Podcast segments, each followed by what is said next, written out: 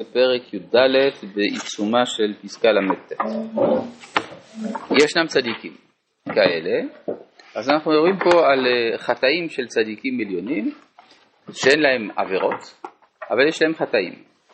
ההבדל שעבירה זה בניגוד לציווי מפורש, וזה דבר שיש בו תעוזה, חוצפה, כלפי מעלה, מה הקדוש ברוך הוא אמר ואתה עושה הפוך, מה שחק אבל אצל הצדיקים יש צדיקים כאלה שזה לא, ודאי לא לשיפוט כזאת הם נופלים, אבל יש להם חיסרון, חטא. על מה מדבר? ישנם חסידים כאלה שלא די שכשהם מחסרים רגע את השיעור המלא והחי לפי ערכם הדבקות האלוהית העליונה הם מרגישים את נפשם בעומק את, את צרת החטא, כלומר יש uh, סוג ראשון של צדיק עליון שהוא לא מספיק דבק בקדוש ברוך הוא, יש לו דבקות אבל לא מתמדת, אז זה כבר אצלו חטא. ומתקנים את משברם על ידי תשובה עילה, על ידי תשובה מלאה, אדירה וגדולה. אז זה צד אחד, אבל יש גם עוד יותר, אלא שגם אם הדבקות תהיה ממולאה רק מצד אחד. מיראה לבד או מאהבה לבד, כן? הוא כולו אהבת השם, או כולו יראת השם, זה כבר לא בסדר. למה? אין פה ייחוד המידות. הם מרגישים בזה כבר פגם עצום ופירוק של חיבור הסדר האלוהי בעולם. ונפשם הורגת לאחוז במידה במידת התשובה העליונה לתקן את הקלקול. זאת אומרת, הם צריכים לעשות עבודה של השלמה של המידות. זה כמו שלמשל מצאנו שחסידים הראשונים היו שוהים שעה אחת ומתפללים כדי שיכוונו אה, ליבם למקום. נשאלת השאלה, הרי לכאורה הצדיקים הגדולים, תודה, הצדיקים הגדולים הם כבר מכוונים ליבם למקום, למה צריך לקחת להם שעה? חסידים, חסידים עוד יותר, חסיד זה סופר. אז למה הוא צריך שעה שלמה כדי להיזכר בקדוש ברוך הוא? מתפללים. אבל למה? למה שעה שלמה? אבל למה שעה שלמה? שעה קלה. לא, לא, הגמרא אומרת שזה שעה ממש. ואז השאלה, למה הם צריכים כל כך הרבה? התשובה היא, בגלל שכדי להיכנס להכרה הפנימית שמאפשרת להתפלל, צריך איזון, צריך שיווי משקל בין שתי תחושות הפוכות, השמחה והיראה. שנאמר, עבדו את השם בשמחה, וגם נאמר, עבדו את השם ביראה, בגילו ברד. לכן, דווקא יש צדיקים כאלה, חסידים הראשונים, שהם כל כך מלאים ביראה, שזה לוקח להם שעה שלמה לאזן את זה עם האהבה. ויש מי שכל כך מלא בשמחה, שזה לוקח לו שעה שלמה. לאזן לכיוון השני. עכשיו, מי שלא מהחסידים האלה, אז אצלו היראה היא בכמות קטנה, אז מילא האהבה קטנה, אז הזמן שזה לוקח הוא קצר, אבל אצלם זה דורש הרבה זמן. אז זה מה שהוא אומר כאן, כן, שהם מרגישים או רק יראה או רק אהבה, ואצלם זה קיצוני מאוד כנראה, אז נפשם הורגת לאחוז במידת התשובה העליונה לתקן את הקלקול. והצדיקים העליונים, עוד סוג שלישי עכשיו, עוד יותר גדול. מלאי החסד והרחמים האלוהים על כל היצור, על כל העולמים וכל אשר בהם מראש ועד סוף. אלה הנעזרים בגבורה ונעתרים בתפארה בתפארת אמת, זה ביטויים ששייכים לייחוד המידות. כן, הרי הם מלאים באהבה על כל יצור, אז זה מידת החסד. ונעזרים בגבורה, זה מידת הגבורה. חסד ודין. ונעתרים בתפארה בתפארת אמת, השאיפה לייחוד המידות. חסד, גבורה, תפארת, בקבלה, שלושת הקווים. הם מרגישים את אי שיווי המשקל של מערכת הדבקות המזוקקה שלהם. כלומר, הוא כן מגיע לאיחוד, לאיזון מסוים בין אהבה ויראה ואפילו האיחוד ביניהם, אבל לא באופן מושלם, כי זה קשה מאוד להגיע לזה באופן מושלם. אז זה החטא שהם מרגישים.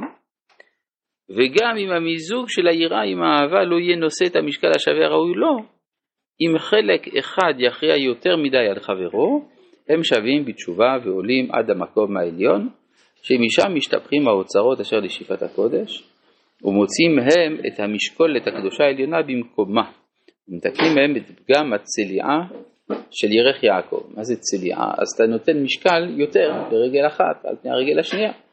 אז זה, זה, זה יעקב צולע, זה לא בסדר, צריך להשיב אותו לשיווי המשקל. תיתן אמת ליעקב, והולכים במישרים, רגלי עמדה במישור, במקהלים אברך השם. זאת אומרת שבינתיים ראינו שלושה סוגים של צדיקים עליונים שאין להם עבירה אבל יש להם חטא. החטא הראשון אין מספיק דבקות. החטא השני יש דבקות אבל רק לצד אחד. החטא השלישי יש דבקות לכל הצדדים אבל לא באיזון מספיק. כן? אלה הם הישרים אשר סוד השם עליהם תמיד יגלה ואת ישרים סודו. כלומר כדי להשיג את הסוד צריך להיות מחובר אל מה שנקרא קו אינסוף, קו האמצעי. וברור שזה אפשרי רק אם האדם מאוזן בתוך מידותיו, אשר מזיו... אברהם, יצחק ויעקב. כן, אברהם, יצחק ויעקב, שהם שלושה קווים. כן, ברור. אה, ישרי לב שמחה. יש הבדל במילה ישרים, מצאנו שני צורות ביטוי למילה ישר.